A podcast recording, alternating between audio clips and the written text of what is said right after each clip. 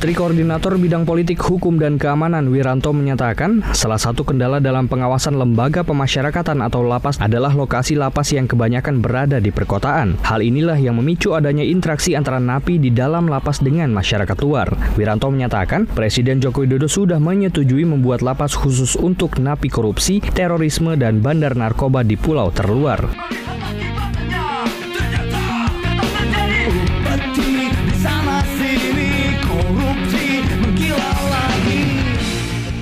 Efektifkah lapas khusus napi koruptor di pulau terluar memberantas praktek suap sel mewah?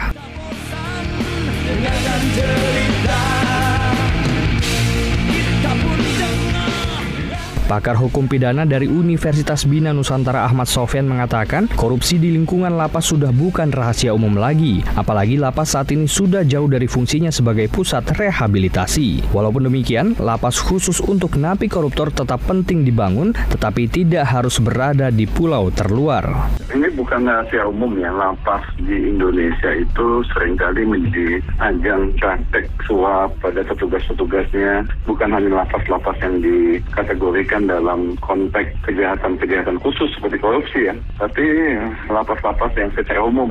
Masyarakat juga udah paham bahwa lapas juga ketika mau berkunjung keluarga ada fasilitas khusus apabila kita memberikan tip khusus kepada petugas atau pada sipir. Demikian juga dengan kejahatan-kejahatan tertentu bisa dikendalikan dari dalam lapas. Jadi manajemen lapas menurut saya masih sembaut. Jadi sudah berganti beberapa pemerintahan tapi tetap saja lapas itu tidak dikelola sebagaimana mestinya sebagai pusat rehabilitasi dan itu yang belum berjalan fungsi rehabilitasi itu bahkan beberapa lapas itu sering terjadi kerusuhan karena adanya diskriminatif atau adanya kurang perhatian atau bahkan untuk mengendalikan sindikasi kejahatan malah dari dalam lapas itu dianggap aman oleh para napi yang ada di dalam lapas. Jadi lembaga pemasyarakatan khusus untuk koruptor penting bagi pengedar narkoba dan teroris ya penting karena mereka adalah kejahatan khusus. Karena itu penanganannya khusus, pembinaannya khusus, dan penjagaannya khusus juga. Jadi itu yang poinnya. Jadi tidak harus ditempatkan di pulau terluar, tapi di wilayah tertentu ya. Karena apa? Hak narapidana untuk bertemu dengan keluarga tidak boleh dihilangkan dong ya. Itu juga negara sudah melakukan pelanggaran hak asasi manusia jika mereka sama sekali hilang aksesnya untuk bertemu dengan para narapidana itu nggak bisa juga itu diterima argumentasi itu ya. Tapi mereka penanganannya secara khusus, sipir-sipir khusus, kemudian juga kepala lapasnya juga khusus, kemudian juga ada keterlibatan lembaga-lembaga lain untuk ikut dalam proses pembinaan atau pengawasan lembaga narapidana itu penting.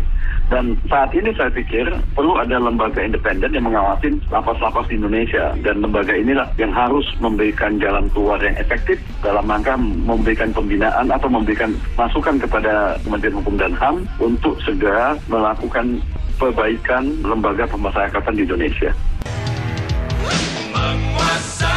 I'm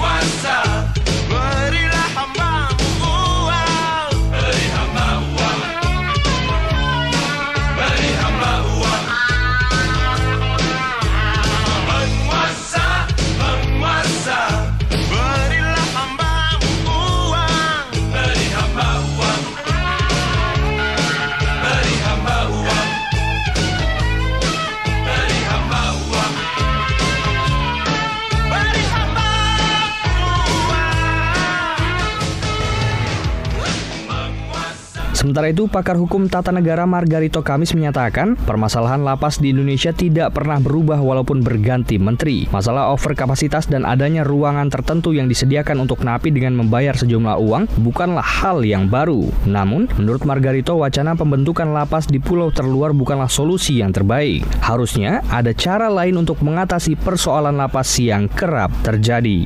Kondisi lapas kita sekarang ini sudah overloaded gitu ya, dan itu kan berkali-kali disebutkan oleh baik Pak Menteri yang sekarang maupun menteri-menteri sebelumnya sudah overloaded karena politik hukum kita politik pemenjaraan nih. Urusan kita cuma penjara, penjara, penjara, penjara. Kita tidak berpikir tentang uh, alternatif lain gitu ya. Sehingga konsekuensinya ya memang mesti kita menyediakan banyak ruang tahanan, ruang lapas untuk menampung orang-orang yang melakukan kejahatan. Hal ihwal yang berkaitan dengan penjara istimewa atau ruang istimewa kita masih ingat ya beberapa waktu lalu Pak Denny Indrayana waktu menjadi wakil Menteri Hukum dan HAM juga menemukan hal yang sama kan dan cerita yang senafas kita dengar dari tempat lain bukan sekitar-sekitar Jakarta saja. Jadi kondisi ini bukan kondisi yang baru terjadi dan kita tidak memiliki respon yang cukup adaptif untuk mengelola persoalan itu. Akhirnya ya kita alami lagi sekarang ini. Sistem kita sedang bekerja gitu ya di, di level pemerintahan gitu ya. Mereka tidak diam, mereka mengetahui ada masalah dan uh, meresponnya. Masalahnya adalah sekarang saya tidak tahu bagaimana kajian yang dilakukan oleh pemerintah. Tetapi ya, penting rasanya kita memikirkan soal daya lakunya efektivitasnya. Penjara di luar sana tentu saja kita tidak menyerahkan pengawasannya kepada buaya, kepada singa, begitu ya. Tapi tentu saja pengawasan kita tetap memerlukan pengawasan dan pengawasannya tentu saja aparatur. Lebih baik kita benahi sistem yang ada sekarang ini dengan cara satu kita perkaya hukuman sosial yang sebenarnya sudah ada itu. Kedua kita perkaya juga hukuman non penjara. Yang ketiga intensifkan penyerapan.